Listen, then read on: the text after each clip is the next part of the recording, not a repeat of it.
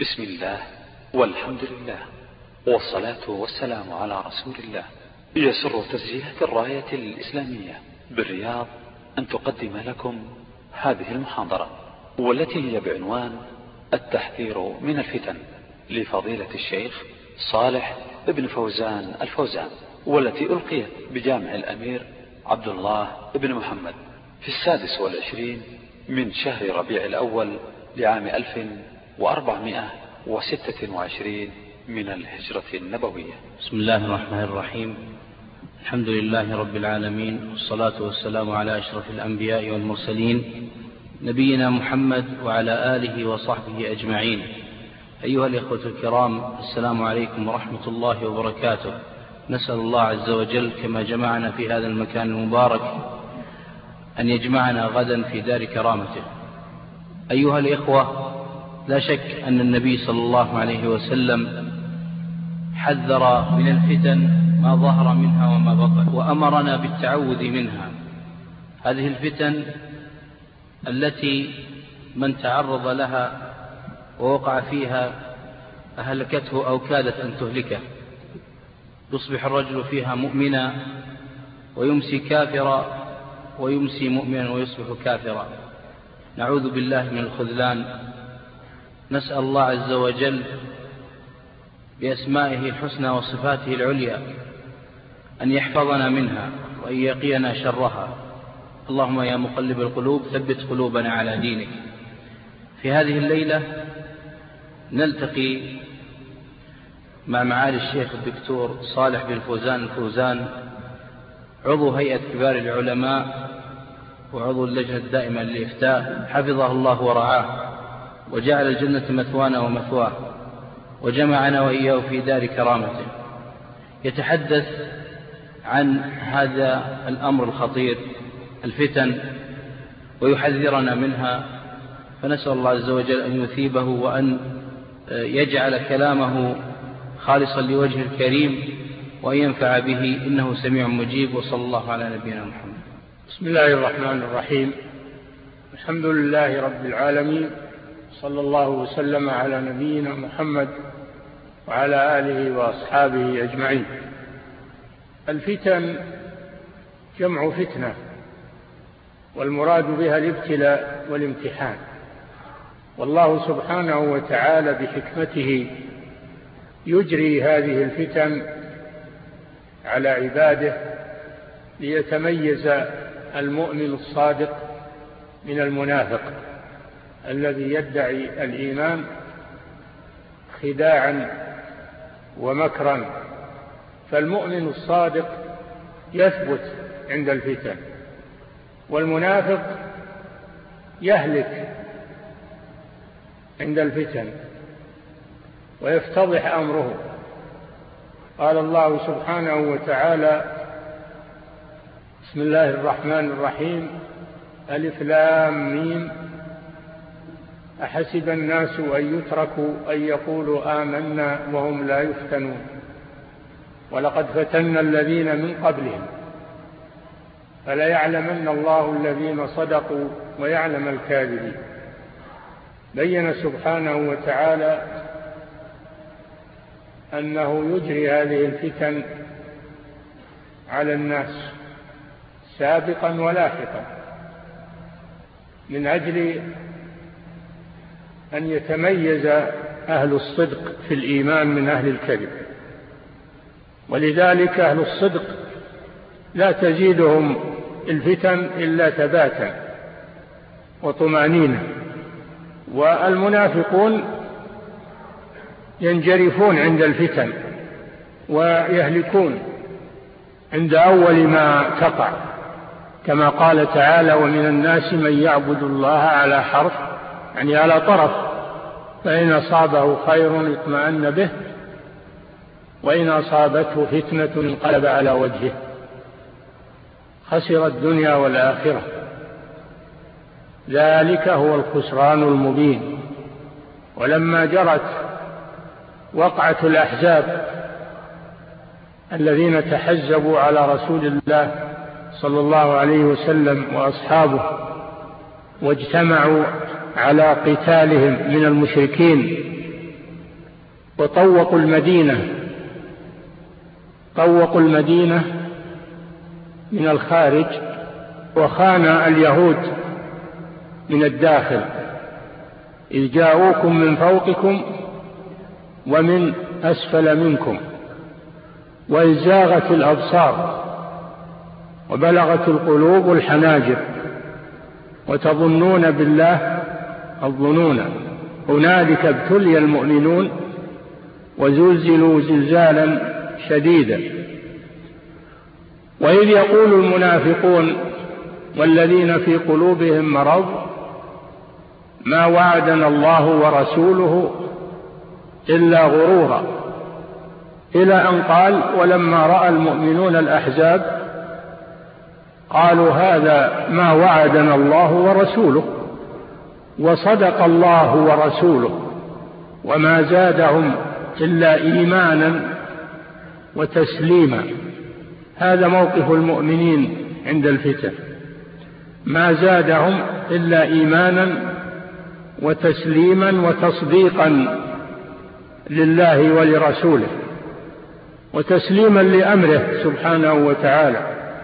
لا يداخلهم شك لأن موقفهم ثابت من حين دخلوا في الإسلام وهم داخلون على بصيرة وعلى يقين وليس لهم غرض إلا وجه الله سبحانه وتعالى فهم لا يهمهم ما يجري عليهم بل يعتبرون ذلك في سبيل الله عز وجل.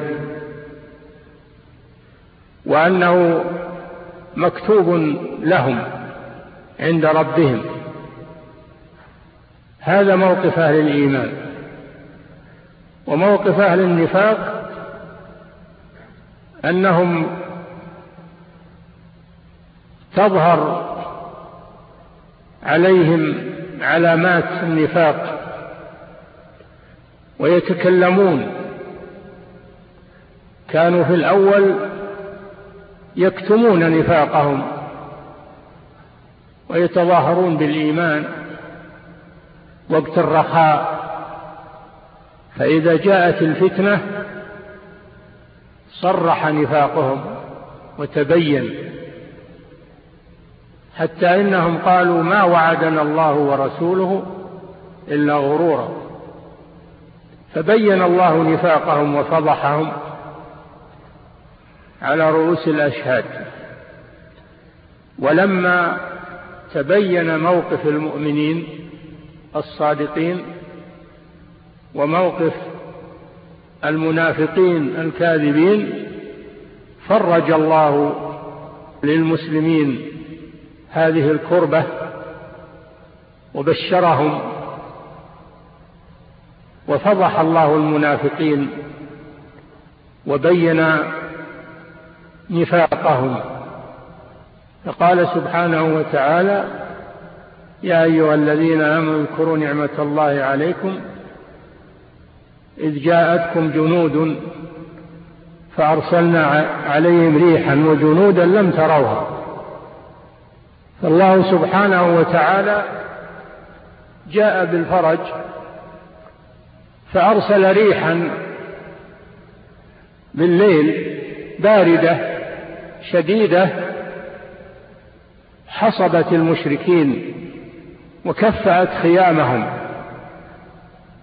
وجاء معها الرعب في قلوبهم وأنزل جنودا من الملائكة أنزل جنودا من الملائكة تدفع بهم وتلقي الرعب في قلوبهم ثم قال في الذين خانوا معهم من المنافقين خانوا العهد وأنزل الذين ظاهروهم من أهل الكتاب من صياصيهم يعني من قصورهم وحصونهم وقذف في قلوبهم الرعب. فريقا تقتلون وتأسرون فريقا وأورثكم أرضهم وديارهم وأموالهم وأرضا لم تطئوها وكان الله على كل شيء قديرا. هذه هي النتيجة. صارت العاقبة لأهل الإيمان الذين ثبتوا وصار الخزي والعار على المنافقين وعلى اليهود الذين خانوا عهد الله ورسوله. وبهذا تجلت حكمة الله سبحانه وتعالى من إجراء هذه الحادثة. ليتميز أهل الإيمان واليقين من أهل النفاق والكذب والخيانة والغدر والفتن على نوعين. النوع الأول فتنة الشبهات وهذه تكون في العقائد.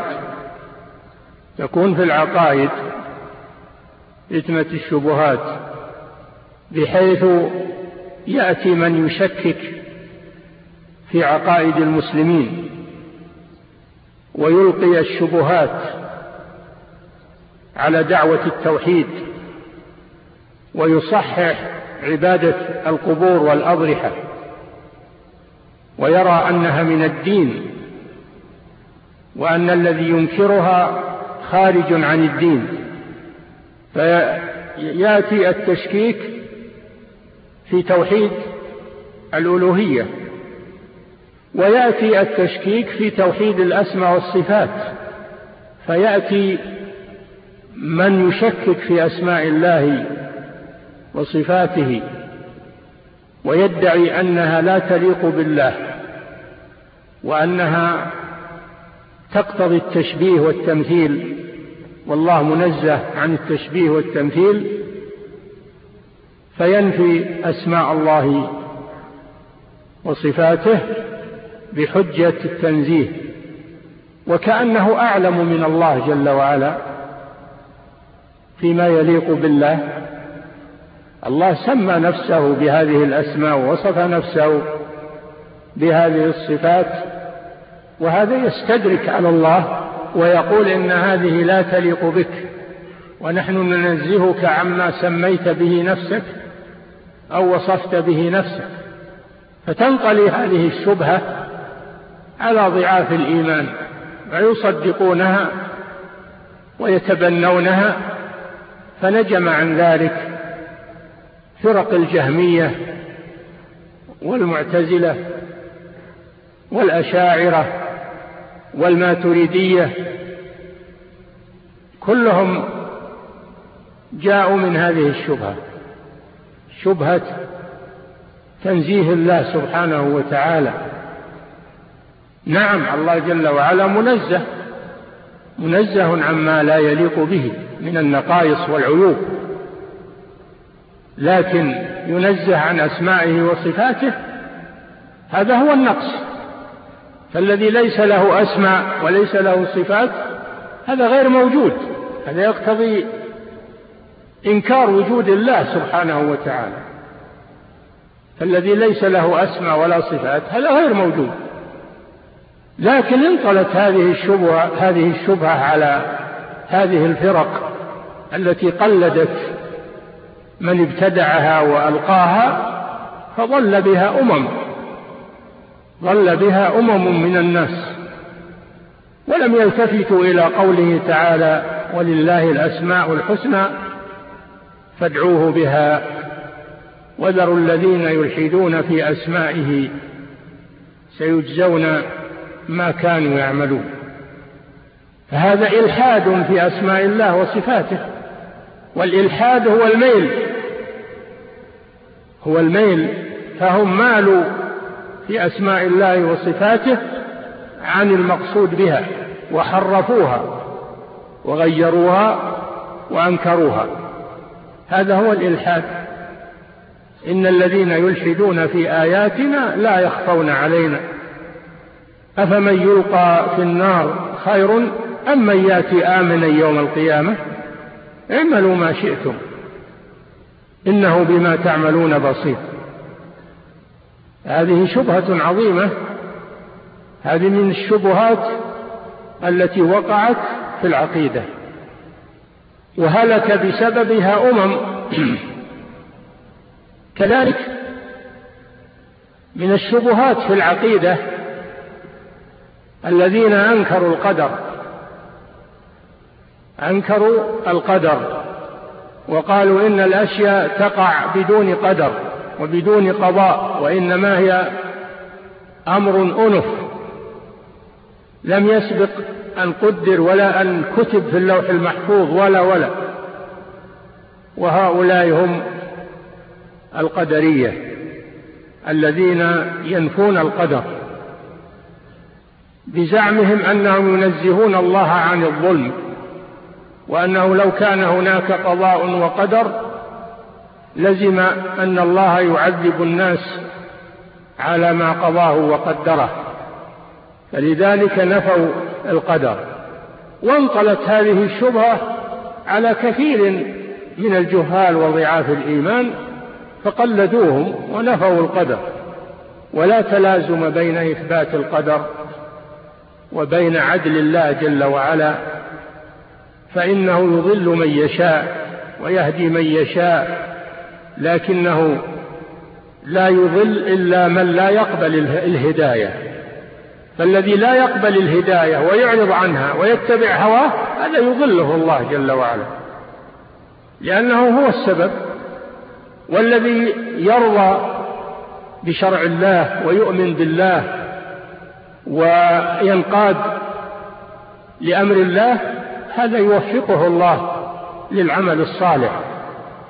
فالله جل وعلا يقول إن سعيكم لشتى فأما من أعطى واتقى وصدق بالحسنى فسنيسره لليسرى وأما من بخل واستغنى وكذب بالحسنى فسنيسره للعسرى.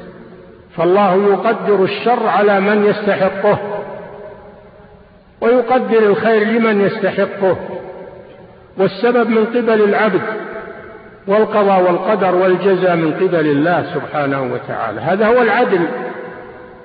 الله لا يستوي عنده المؤمن والكافر. أم حسب الذين اجترحوا السيئات أن نجعلهم كالذين آمنوا وعملوا الصالحات؟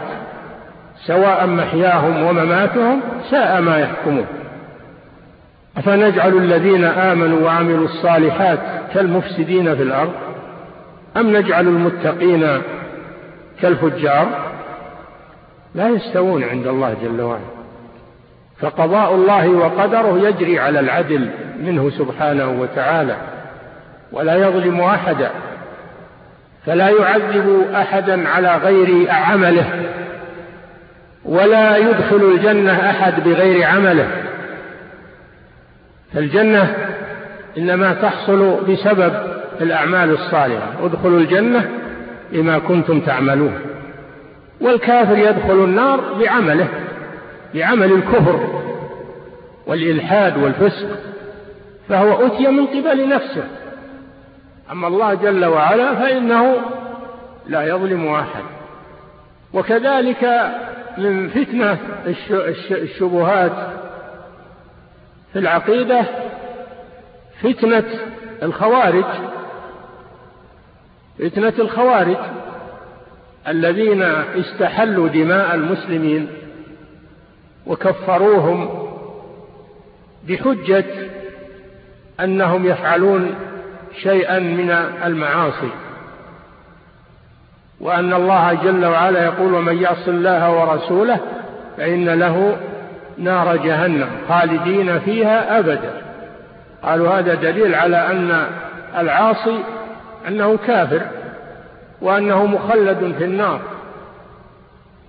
ومن يعص الله ورسوله ويتعدى حدوده يدخله نارا خالدا فيها وله عذاب مهين. وأمثال هذه الآيات آيات الوعيد وغفلوا عن آيات الوعد التي قال الله جل وعلا فيها إن الله لا يغفر أن يشرك به ويغفر ما دون ذلك. لمن يشاء يغفر ما دون ذلك. لمن يشاء. في الحديث ابن آدم لو لقيتني بقراب الأرض خطايا يعني ملء الأرض خطايا ثم لقيتني لا تشرك بي شيئا لأتيتك بقرابها مغفرة. فالله يغفر للعاصي الذي لم يحصل منه شرك أكبر يغفر له إذا شاء سبحانه ويعذبه إذا شاء. لكن تعذيبه مؤقت وليس دائما كتعذيب الكفار. فهم أخذوا بطرف من من الأدلة وتركوا الطرف الآخر. وهذا أخبرنا الله جل وعلا عنه بقوله هو الذي أنزل عليك الكتاب منه آيات محكمات هن أم الكتاب وأخر متشابهات. فأما الذين في قلوبهم زيغ فيتبعون ما تشابه منه ابتغاء الفتنة وابتغاء تأويله. أما أهل الرسوخ في العلم والراسخون في العلم يقولون آمنا به كل من عند ربنا فيردون المتشابه إلى المحكم ويفسرون الأدلة بعضها ببعض يقيدون المطلق ويبينون المجمل يردون النصوص إلى بعضها يفسرون بعضها ببعض. ولا يأخذون بطرف دون طرف. المرجئة على العكس من الخوارج. أخذوا بنصوص الوعد وتركوا نصوص الوعيد فقالوا لا يضر مع الإيمان معصية كما لا ينفع مع الكفر طاعة والإيمان بالقلب ولا تدخل الأعمال فيه فإذا كان مؤمنا بقلبه دخل الجنة ولو لم يعمل شيئا. أخذوا بنصوص الوعد وتركوا نصوص الوعيد فصاروا على طرف نقيض مع الخوارج. أما أهل السنة والجماعة وهم الراسخون في العلم فإنهم جمعوا بين النصوص جمعوا بين نصوص الوعيد ونصوص الوعد وقالوا المعاصي التي دون الكفر الأكبر والشرك الأكبر تحت مشيئة الله. إن الله لا يغفر أن يشرك به ويغفر ما دون ذلك لمن يشاء. فلا يكفر صاحب الكبيرة التي دون الشرك لا يكفر لكنه لا يكفر كما تقوله الخوارج لكنه يكون مؤمنا ناقص الإيمان لا كما تقوله المرجئة إنه مؤمن كامل الإيمان. ويقولون لا تضر المعصية مع الإيمان. أهل السنة يقولون تضر. الإيمان يزيد بالطاعة وينقص بالمعصية.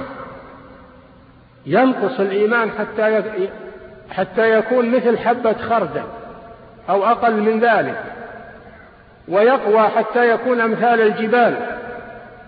بماذا يزيد وبماذا ينقص؟ يزيد بالطاعات وينقص بالمعاصي. هذا هو الحق. الحاصل أن هذه شبهة من الشبه التي وقعت في العقائد وهي فتنة الشبهات. نسأل الله العافية من الشبهات. وهذه أشد الشبهات وأشد الفتنة. النوع الثاني فتنة الشهوات. وهذه أخف من فتنة الشبهات. وتتمثل في المعاصي التي تخل بالسلوك وتخل بالأخلاق والأعراض والأمانة مثل أكل الربا والسرقة شرب الخمر والزنا. هذه فتن فتن شهوات لأن الإنسان إنما يأتيها بدافع الشهوة بدافع الشهوة تدفعه شهوته حبه للمال يدفعه لأخذ الربا يدفعه لأخذ الرشوة يدفعه للكذب والغش في المعاملة. شهوة المال تدفعه لذلك. وينسى الوعيد الوارد على من فعل هذه الأفعال ويتبع شهوته يقع في الزنا يسرق المال لأن شهوته بالمال وهكذا.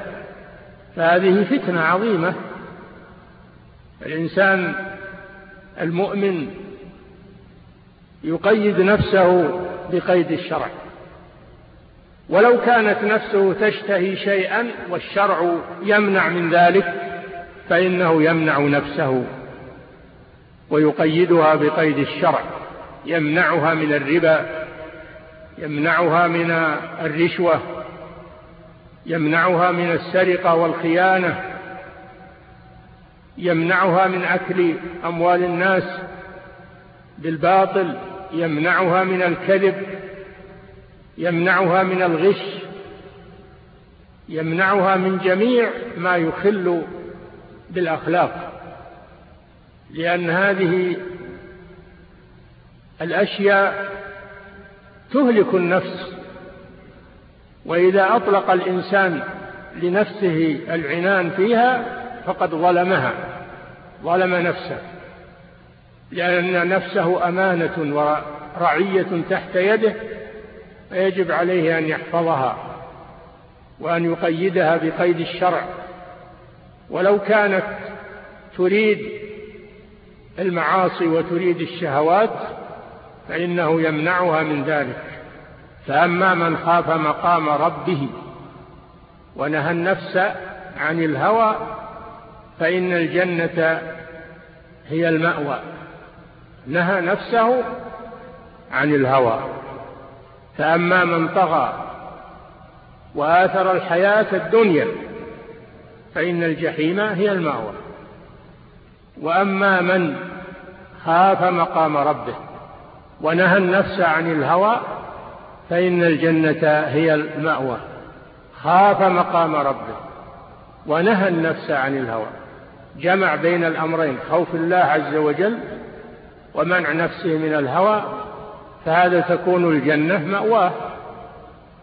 وأما من أتبع نفسه هواها فهذا يكون مصيره إلى النار بحسب عمله. إما مصيرا مؤبدا للكافر والمشرك أو مصيرا الله أعلم بمداه لكنه لا يخلد إذا كان من عصاة المؤمنين والموحدين.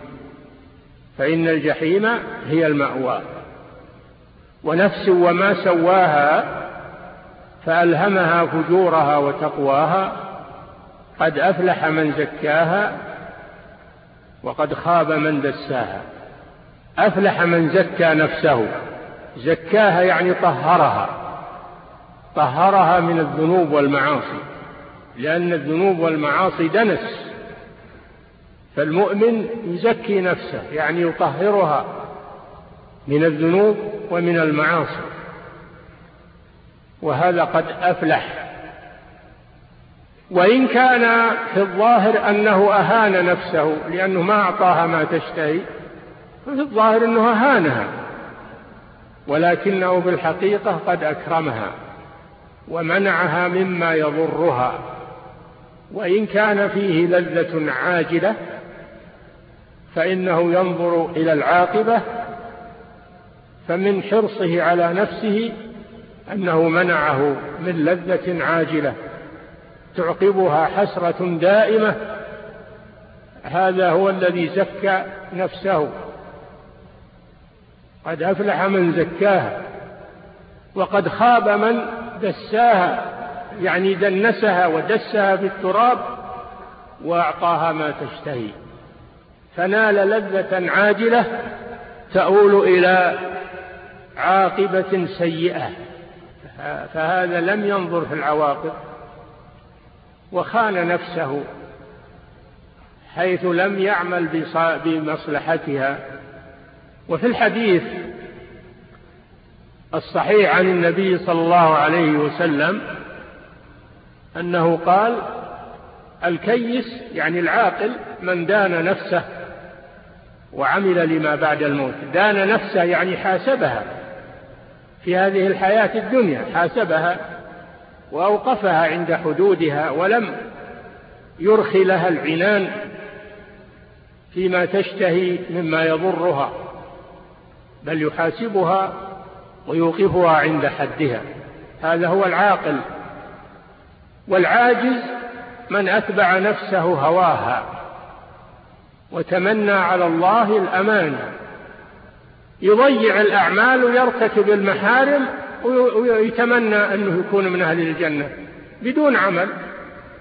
لا يمنع نفسه من معصية ولا يلزمها بطاعة.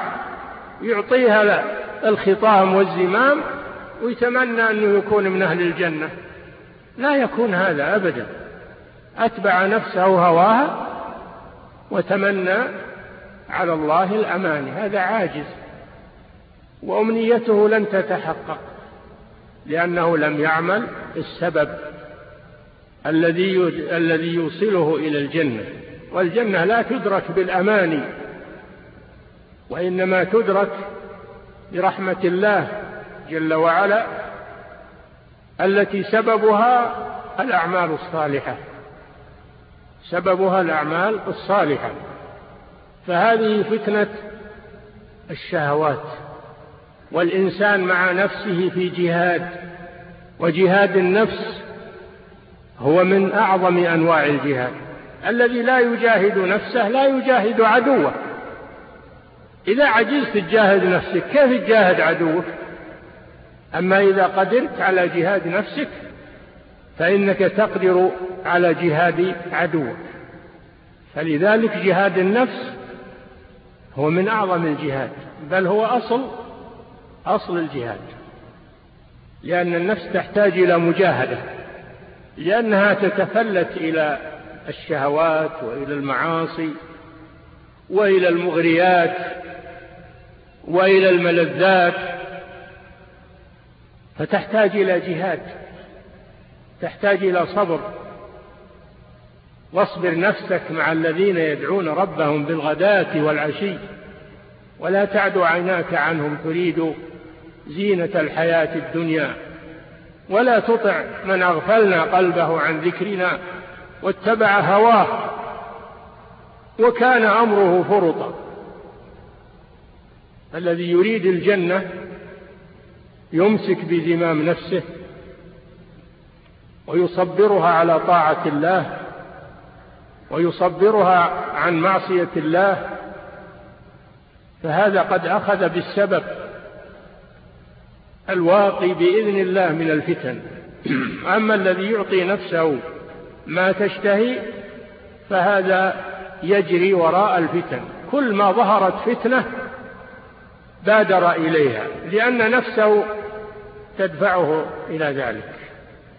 والله جل وعلا يقول إن النفس لأمارة بالسوء إلا ما رحم ربي.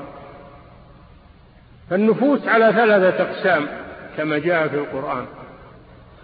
النفس الأمارة أمارة كثيرة الأمر بالسوء تأمر صاحبها دائما بأن يعطيها ما تشتهي.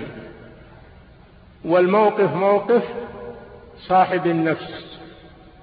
هل هو يجري وراءها أو يمسكها؟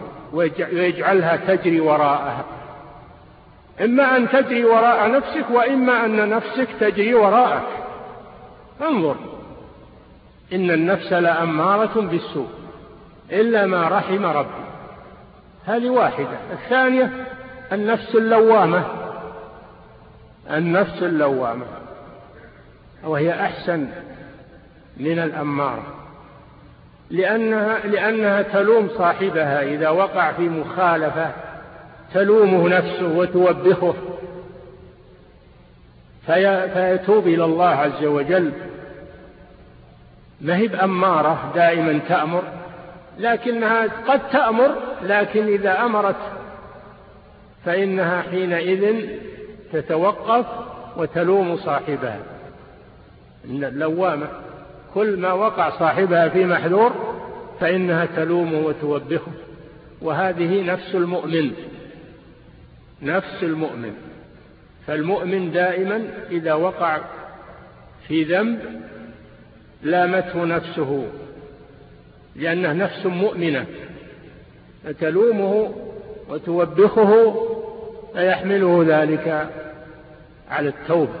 والذين إذا فعلوا فاحشة أو ظلموا أنفسهم ذكروا الله فاستغفروا لذنوبهم ومن يغفر الذنوب إلا الله ولم يصروا على ما فعلوا وهم يعلمون أولئك جزاؤهم مغفرة من ربهم وجنات تجري من تحتها الأنهار خالدين فيها ونعم أجر العاملين. هذه النفس اللوامة. والنوع الثالث النفس المطمئنة وهذه أعلى الدرجات. مطمئنة بالخير لا تنزع إلى الشر ولا تريد الشر وإنما دائما هي مع الخير ومع أهل الخير. فهذه أعلى درجات النفوس الطيبة. يا أيتها النفس المطمئنة ارجعي إلى ربك راضية مرضية. فادخلي في عبادي وادخلي جنتي يقول الله لها عند البعث يا أيتها النفس المطمئنة ارجعي إلى ربك أي إلى صاحبك. الرب هنا معناه الصاحب. ارجعي إلى ربك. فتعود إلى الجسم ويحيا بها ويقوم من القبر يقوم من القبر ويمشي إلى المحشر لأن الله جل وعلا إذا أراد البعث فإنه ينبت الأجسام من الأرض ينبت الأجسام من الأرض كما ينبت العشب والبقل من الأرض الأجسام في الأرض البذور كلها في الأرض بذور الأجسام كلها في الأرض. فإذا أراد الله البعث فإن هذه الأجسام تؤمر بالاجتماع تؤمر بالاجتماع فتجتمع الأعضاء والمفاصل ويتكون الجسم كاملا كما كان في الدنيا. إلا أنه ليس فيه روح. حتى لو مر عليه أحد يعرفه في الدنيا لقال هذا فلان. ثم يأمر الله إسرافيل. فينفخ في الصور النفخة الثانية فتطير كل روح إلى جسمها. فتحيا وتتحرك الأجسام ثم تؤمر بالمسير إلى المحشر. فالنفس المطمئنة تنادى بهذا النداء المبارك.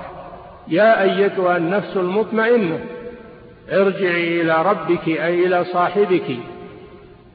راضية مرضية. فادخلي في عبادي وادخلي جنتي. فانظر يا أخي انظر نفسك مع أي هذه النفوس. هل هي نفس أمارة أو نفس لوامة أو نفس مطمئنة؟ انظر. ما تخرج نفسك عن هذه النفوس أبدا. فعليك بأن تكون نفسك مطمئنة حتى تحوز على هذا النداء الإلهي العظيم يوم القيامة. ما دمت على قيد الحياة وما دمت في زمن الإمهال والإمكان ولا تجري وراء الشهوات المحرمة والملذات العاجلة التي تعقب حسرة دائمة. فالعاقل فضلا عن المؤمن لا يقدم على شيء إلا إذا عرف نهايته وعاقبته. ما ينظر إلى مقدمته وزخرفه العاجل وإنما ينظر إلى العواقب. فلا يغتر بالمظاهر وشهوة النفس ولا ينظر إلى الكثرة من الناس ويكون معهم بل ينظر إلى المخرج وإلى العاقبة. وأحزم الناس من لو مات من ظمأ لا يقرب الولد حتى يعرف الصدر. فانظر إلى المصادر. لا تنظر إلى الموارد فقط. هذا هو العاقل. العاقل من؟ الكيس من دان نفسه وعمل لما بعد الموت والعاجز من أتبع نفسه هواها وتمنى على الله الأمان. الحاصل أن هذه فتن الشهوات وفتن الشبهات اليوم كثيرة. الفتن الآن بنوعيها الشبهات والشهوات كثيرة. وتبث في الفضائيات وفي الإنترنت وفي الكتابات والمؤلفات. تبث وتنتشر بسرعة هذه هذا هذه أعظم الفتن. والنبي صلى الله عليه وسلم يقول بادروا بالأعمال فتنا كقطع الليل المظلم. يصبح الرجل مؤمنا ويمسي كافرا ويمسي مؤمنا ويصبح كافرا يبيع دينه بعرض من الدنيا.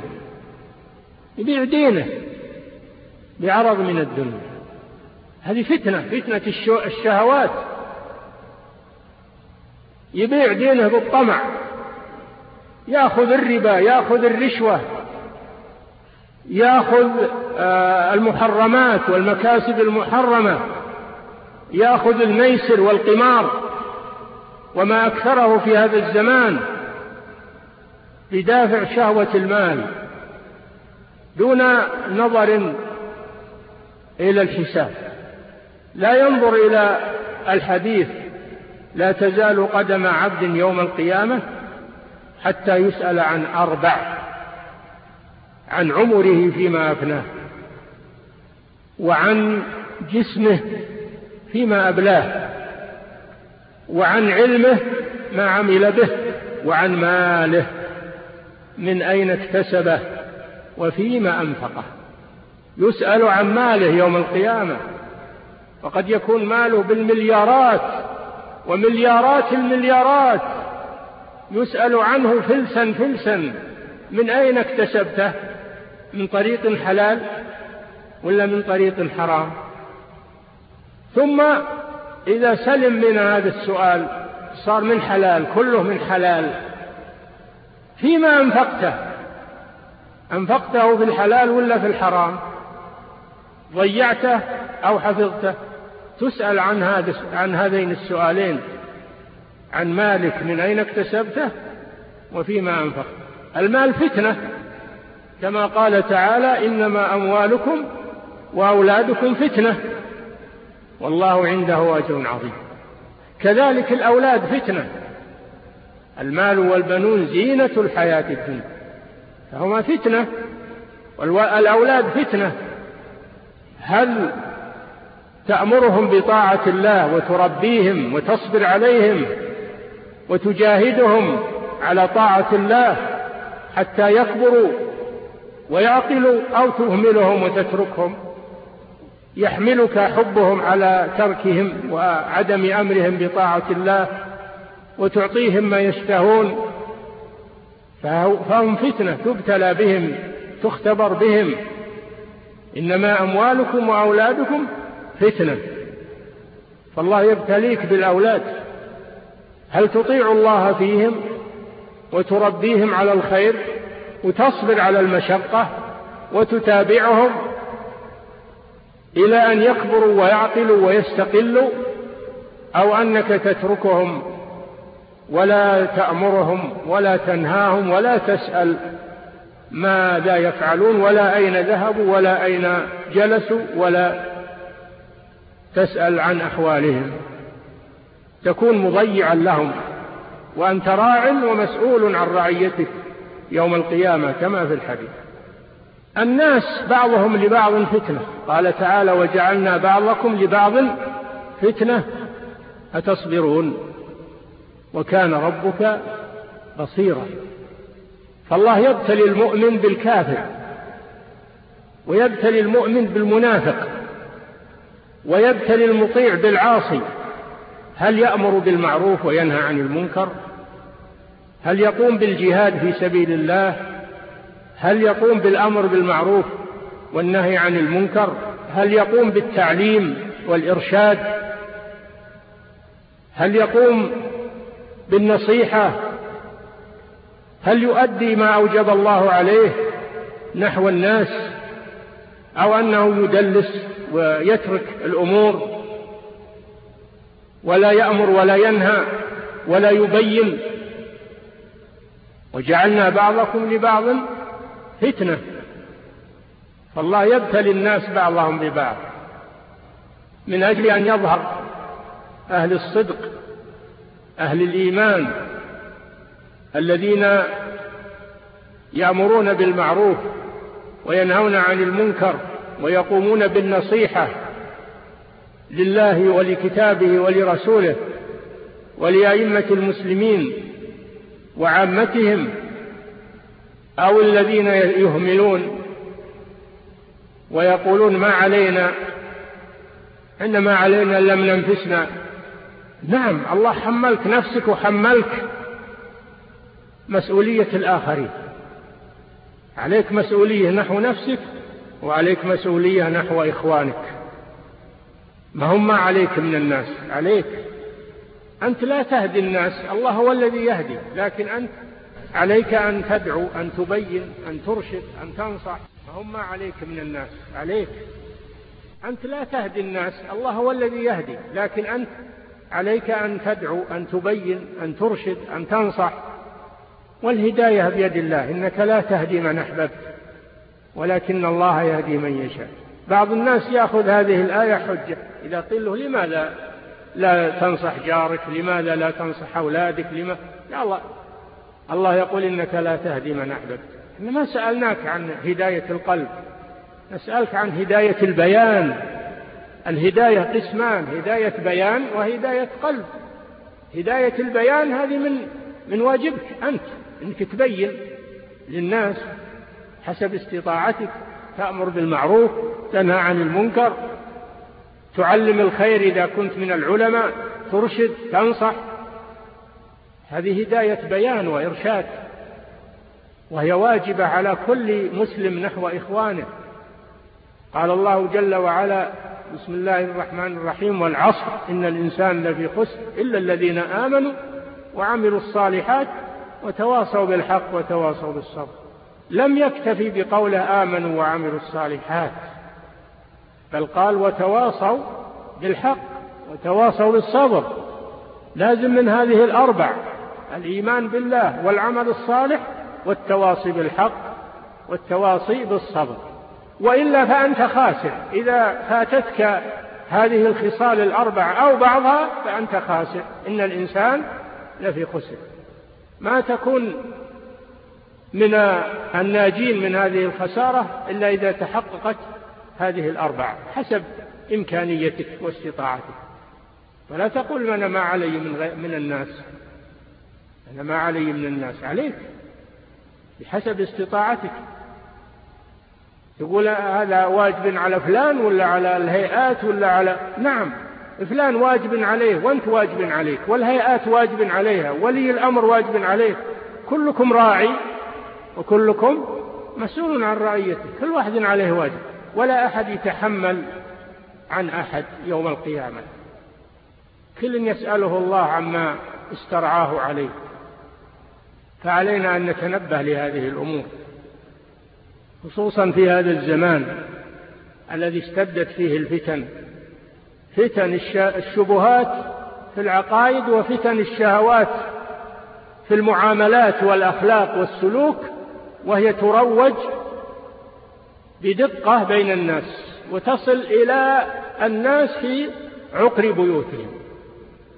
من طريق هذه الوسائل الدقيقة التي أوجدها الله فتنة للناس. هذه من تمام الفتنة.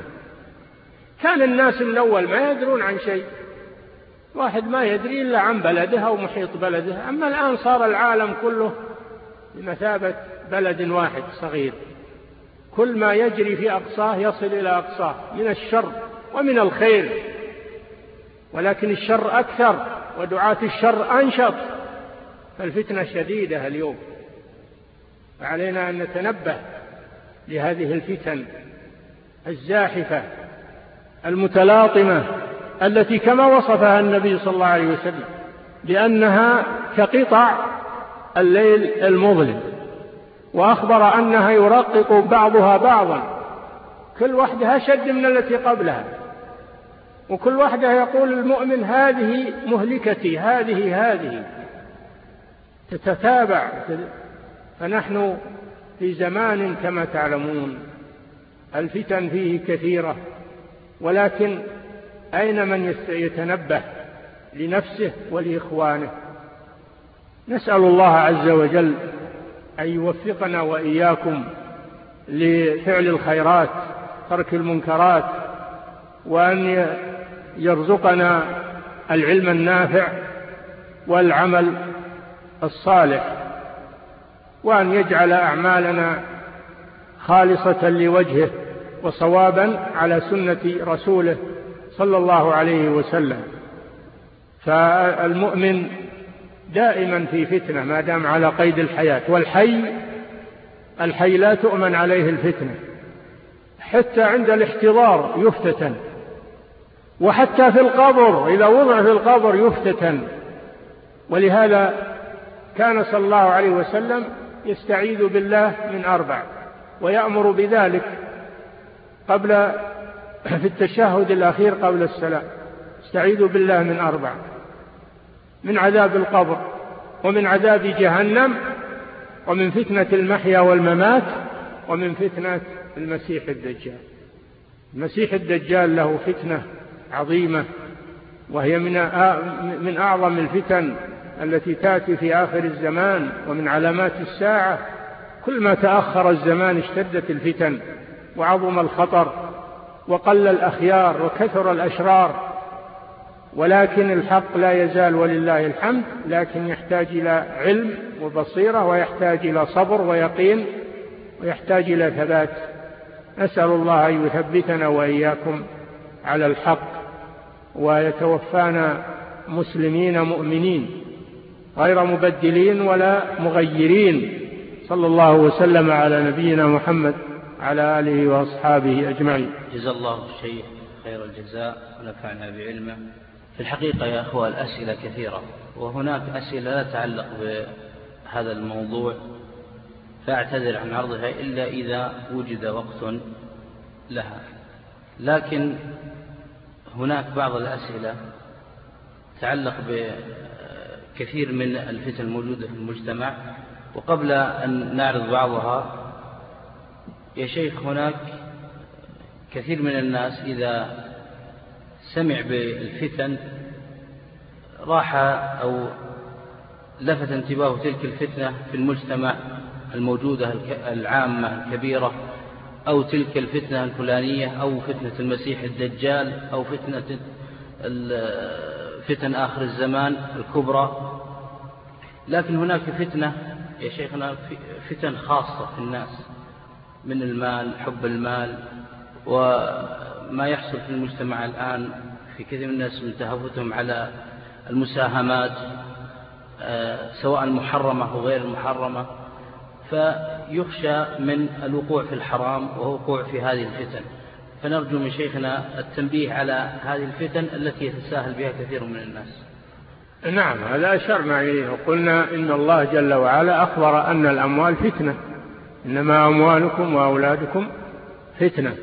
فمن الناس من يحجزه إيمانه عن أخذ الحرام والمكاسب المحرمة وإن كانت نفسه تريد ذلك وترغب فيه لكن يمن الله عليه بالثبات وعلى حبس نفسه وعلى القناعية بالحلال وإن كان قليلا وترك الحرام وإن كان كثيرا مغريا. المشكلة إن الحرام قد يكون كثيرا ومرابح باهظة تغري الناس ويكون الحلال قليلا ولا هو واقف مع الحلال لأنه ما يجيه إلا شوي يسير ما يقف عند هذا يبي الكثير. هذا من الفتن. فعلى المسلم أنه يحذر من فتنة المال ولا يحمله حب المال على المغامرة. وعلى كسب المال من أين من أي طريق. قد جاء في الحديث أنه يأتي على الناس زمان أن الإنسان لا لا يسأل من أين اكتسب المال من حلال أو من حرام. هذه فتنة عظيمة. ولا شك أن هذه هذه المغريات والمعروضات الآن والمسابقات والأسهم الإنسان ما يقدم على شيء إلا إذا عرف إلا إذا عرف أنه حلال وأنه ليس من الحرام. والنبي صلى الله عليه وسلم يقول إن الحلال بين وإن الحرام بين وبينهما أمور مشتبهات لا يعلمهن كثير من الناس فمن اتقى الشبهات فقد استبرأ لدينه وعرضه ويقول عليه الصلاة والسلام دع ما يريبك إلى ما لا يريبك. فالحلال البين خذه والحرام البين تجنبه والمشتبه توقف فيه. ولا تقدم عليه. احتياطا لدينك وعرضك وخشية أن يكون من الحرام. فإنك إذا تساهلت في الشبهات تساهلت في الحرام كما قال صلى الله عليه وسلم. فمن وقع في الشبهات وقع في الحرام. كالراعي يرعى حول الحمى يوشك أن يقع فيه.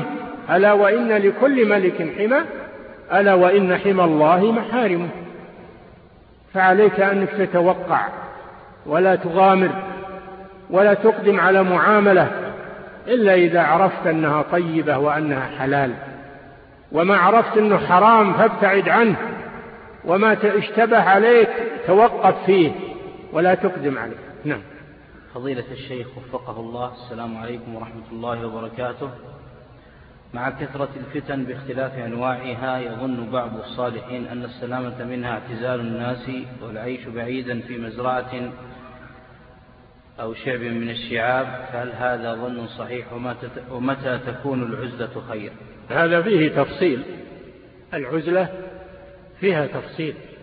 فالإنسان الذي يكون في اختلاطه بالناس مصلحة لأن يبين يأمر بالمعروف ينهى عن المنكر ينصح في الله يلقي عليهم العلم الصحيح يبصرهم. هذا لا تجوز له العزلة بل يجب عليه أن يخالط الناس وأن يدعو إلى الله وأن يبين. أما الإنسان اللي ما عنده استطاعة ما عنده علم ما عنده معرفة فهذا العزلة لا شك أنه خير له أو واجبة عليه أو واجبة عليه إذا خشي على دينه اللي ما منه مصلحة إذا خالط الناس بل عليه مضرة هذا يكون اعتزاله إما أنه أحسن أو واجب أو واجب عليه فرارا بدينه ولهذا لما أخبر النبي صلى الله عليه وسلم حذيفة بن اليمان أنه إذا اشتدت الفتن في آخر الزمان. قال فما تأمرني إن أدركني ذلك؟ يا رسول الله.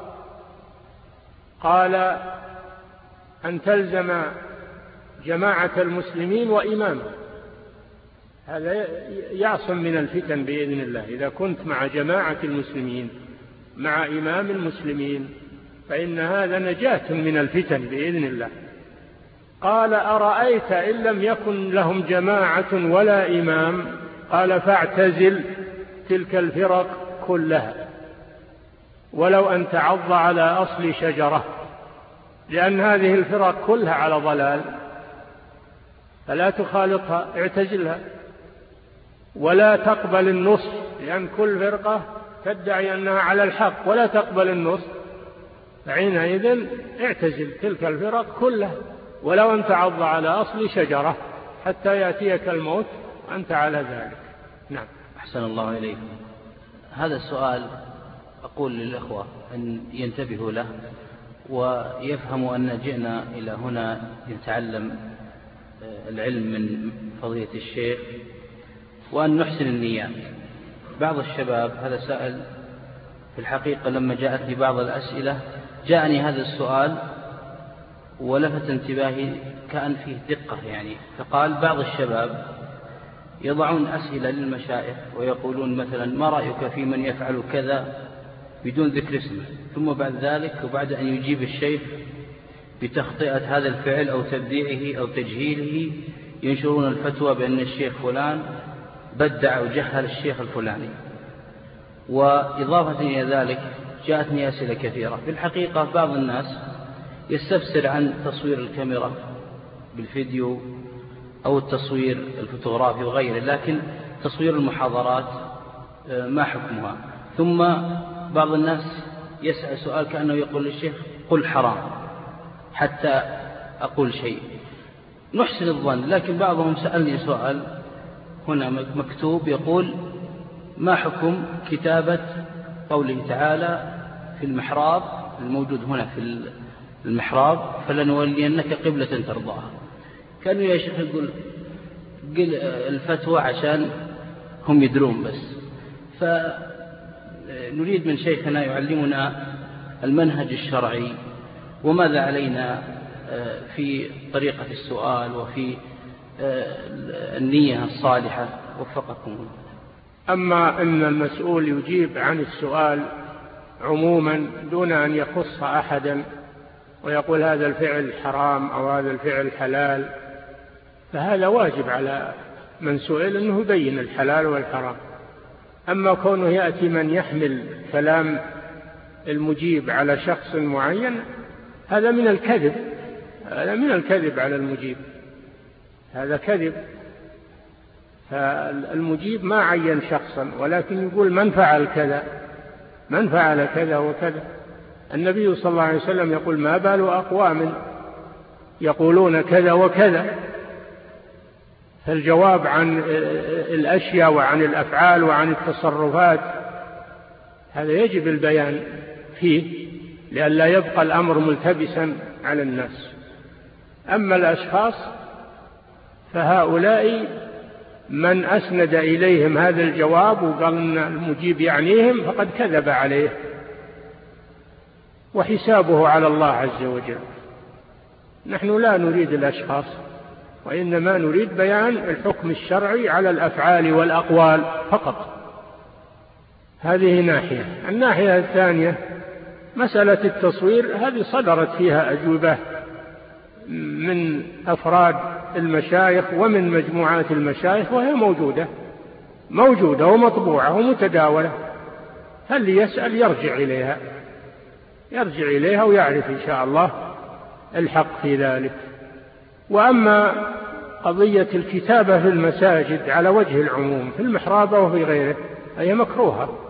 نص العلماء على أنه لا يكتب في المسجد كتابات تشغل المصلين ولا تزخرف المساجد وإنما تكون المساجد مبنية بالبناء اللائق الذي ليس فيه زخرفة وليس فيه مبالغة أو نقوش أو كتابات مساجد تجرد من هذه الأشياء. نعم.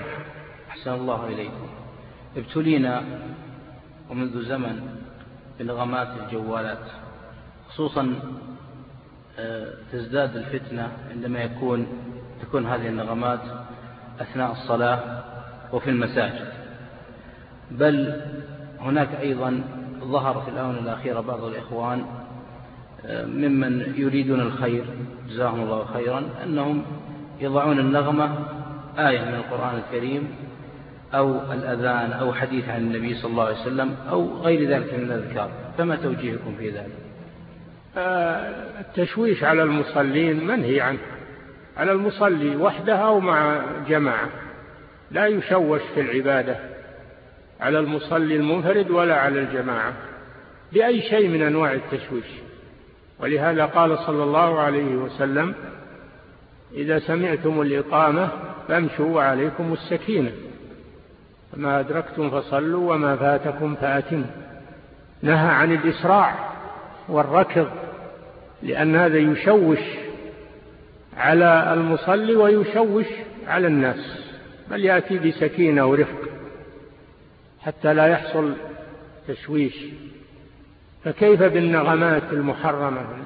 النغمات الموسيقية محرمة ففيها محذوران. محذور الأول أنها نغمات موسيقية محرمة وثانيا فيها تشويش على المصلين. ولو كانت آية لو كانت آية أو حديث ما يشوش به على الناس في الصلاة أو في المساجد سواء كانوا يصلون فريضة أو يصلون نافلة أو يقرؤون القرآن أو يذكرون الله بالتسبيح والتهليل لا تشوش على الناس. يا أخي عندما تدخل مع باب المسجد أغلق الجوال لأنك داخل للعبادة. ما دخلت للمكالمات داخل للعبادة. فإذا خرجت من المسجد افتح الجوال. الجوال خارج المسجد وأما العبادة ومكان العبادة فإنك جئت للعبادة فلا تشتغل بغيرها. نعم.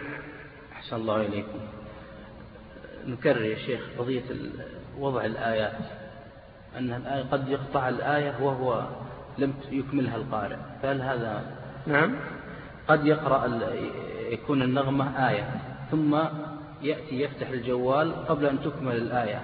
وكذلك في بعض المكاتب أو في بعض المنازل يكون هناك من يقرأ الآية تقطع الآية قبل آه، يرفعها يرفع السماعة ثم بعد ذلك يرد قبل أن تكمل الآية. كذلك هو ما وضع الآية للتلاوة إنما وضعها للتنبيه فقط للتنبيه على المكالمة ما وضعها للتلاوة ولا طلبا للأجر.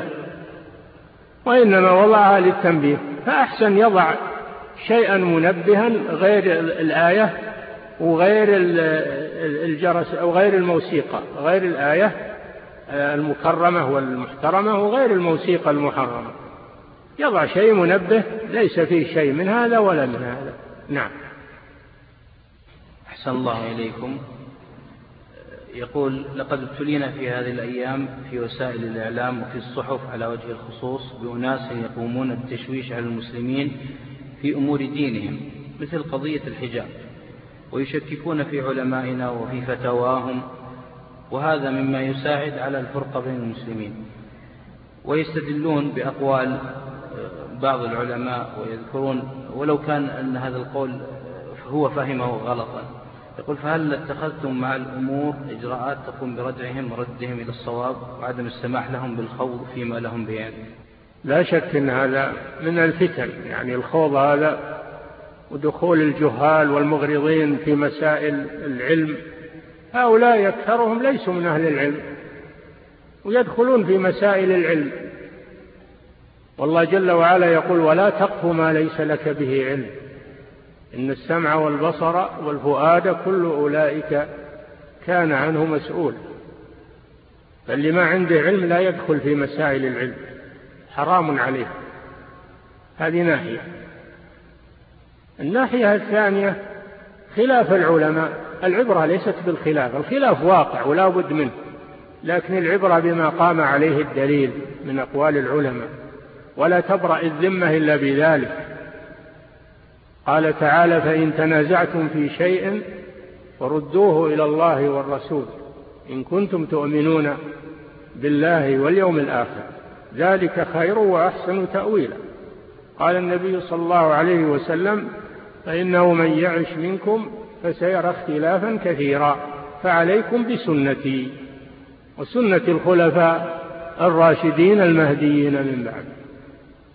فالخلاف يحسم بالرجوع إلى كتاب الله وسنة رسوله وما عليه صحابته الأكرمون. فمن شهد له الدليل أخذ بقوله ومن خالف الدليل فإنه يرد قوله. والأئمة يقولون ذلك. يقول الإمام أبو حنيفة أول الأئمة الأربعة يقول إذا جاء الحديث عن رسول الله فعلى الرأس والعين. وإذا جاء الحديث عن صحابة رسول الله فعلى الرأس والعين. ما يقدم على هذا شيء. هذا مطابق لقوله صلى الله عليه وسلم عليكم بسنتي وسنة الخلفاء الراشدين المهديين من بعد. أبو حنيفة يقول ما ننظر للخلاف؟ ننظر إلى إلى قول الرسول وقول أصحاب الرسول صلى الله عليه وسلم فنأخذ به ونترك ما خالفه. الإمام مالك رحمه الله يقول كلنا راد ومردود عليه إلا صاحب هذا القبر يعني رسول الله صلى الله عليه وسلم. كلنا راد ومردود عليه. فالأقوال فيها ما هو خطأ وفيها ما هو صواب. واللي يميز الخطأ من الصواب هو الدليل من الكتاب والسنة وقول الصحابة. هذا اللي يبين الخطأ من الصواب. أما اللي يأخذ أقوال العلماء بدون تمحيص فهذا يتبع هواه ما يتبع أقوال العلماء كذاب. ما أخذ بقول الإمام أبي حنيفة على الرأس والعين ولا أخذ بقول مالك كلنا راد ومردود عليه ولا أخذ بقول الشافعي إذا خالف قولي قول رسول الله فاضربوا بقولي عرض الحائط. ويقول رحمه الله إذا صح الحديث فهو مذهبي. الإمام أحمد يقول عجبت لقوم عرفوا الإسناد وصحته يعني عرفوا الحديث يأخذون بقول سفيان. والله تعالى يقول فليحذر الذين يخالفون عن أمره أن تصيبهم فتنة أو يصيبهم عذاب أليم. تصيبهم فتنة في قلوبهم والعياذ بالله. فأخذ رأي سفيان الثوري رحمه الله إمام جليل فقيه عالم مشهور. الأخذ بقوله إذا خالف الدليل يخشى من وقوع الفتنة بالأخذ به. وهو إمام جليل لكنه ليس معصوما. فكيف باللي يأخذون ما يصلح لهم ويتركون. اللي يصلح لهم يأخذونه ولو ما عليه دليل ولو خالف الدليل ولو أن قائله ليس من أهل العلم حتى. يأخذون به يوافق أهواءهم. هؤلاء والله ما وافقوا العلماء ولا وافقوا الدليل وإنما وافقوا أهواءهم وما توليه عليه نفوسهم. فلا عبرة بهم والحمد لله أن أكثرهم ما هم طلبة علم. وأنهم متطفلون ليسوا طلبة علم. أولا ليس لهم الدخول أصلا وليسوا طلبة علم وليس هذا من شأنهم. لكن حتى لو كانوا طلبة علم أو حتى علماء فلا بد من التمييز بين الحق والباطل والخطأ والصواب. فنحن مأمورون باتباع الكتاب والسنة. ولم نؤمر باتباع فلان أو علان. نعم. أحسن الله إليكم. الشرور يا فضيلة الشيخ التي تحصل من القنوات الفضائية وما خرج علينا أخيرا من عدة سنوات برنامج ستار أكاديمي وغيره من البرامج التي تنشر قلة الحياء في المجتمع. ما توجيهكم لذلك وما توجيه الإخوة في آه، إنكارهم لهذا الأمر. هذا فيه أمران. الأمر الأول يخص ولاة الأمور والعلماء. هؤلاء يجب عليهم العلماء يجب عليهم أن يبينوا حكم هذا الشيء والأمراء وولاة الأمور يجب عليهم منع هذا الشيء إذا استطاعوا. يجب عليهم منعه إن استطاعوا. هذا من صلاحياتهم ومن سلطتهم وأمانتهم التي حملهم الله إياها. والعلماء قد بينوا هذا البرنامج وأصدروا فيه بيانا موجود الآن بيان صدر من سنتين في تحريم هذا البرنامج وبيان ما فيه. من المفاسد. فالذي يقبل الحق ويريد الخير ياخذ هذا البيان ويصوره ويوزعه على الناس وله الأجر في ذلك. وهو موجود لدى دار الإفتاء. وأما بالنسبة لعامة الناس الواجب عليهم أن يتقوا الله وأن يجنبوا هذا البرنامج بيوتهم وأولادهم ونساءهم أن لا يدخلوه في بيوتهم. ولا ينظر إليه لأنه شر وفتنة وفيه محاذير كثيرة فالواجب عليهم أن يتقوا الله. يا أيها الذين آمنوا قوا أنفسكم وأهليكم نارا وقودها الناس والحجارة. عليها ملائكة غلاظ شداد لا يعصون الله ما أمر. فأنت تقي نفسك من هذا البرنامج وأمثاله وتقي أهلك وأهل بيتك. لا تجلب لهم الشر تدخل عليهم. وتقول يريدون هذا طلبوا من هذا. الفلان زي قالوا كذا. الجيران يا أخي اتق الله أنت في زمان فتنة. عليك نفسك وأولادك. وأصلح في الناس ما تستطيع إصلاحه. لكن أول شيء أنت وأولادك. رعيك تحت أمرك عليك بتقوى الله عز وجل في نفسك وفي أولادك. وما أظن أن واحد يبي يجي يجبرك بالسيف يقول لازم تدخل هذا البرنامج. أنت اللي تدخله برغبتك أو طاعة لزوجك أو أولادك الصغار والسفهاء.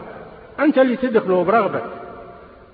فاتق الله في نفسك وفي أولادك.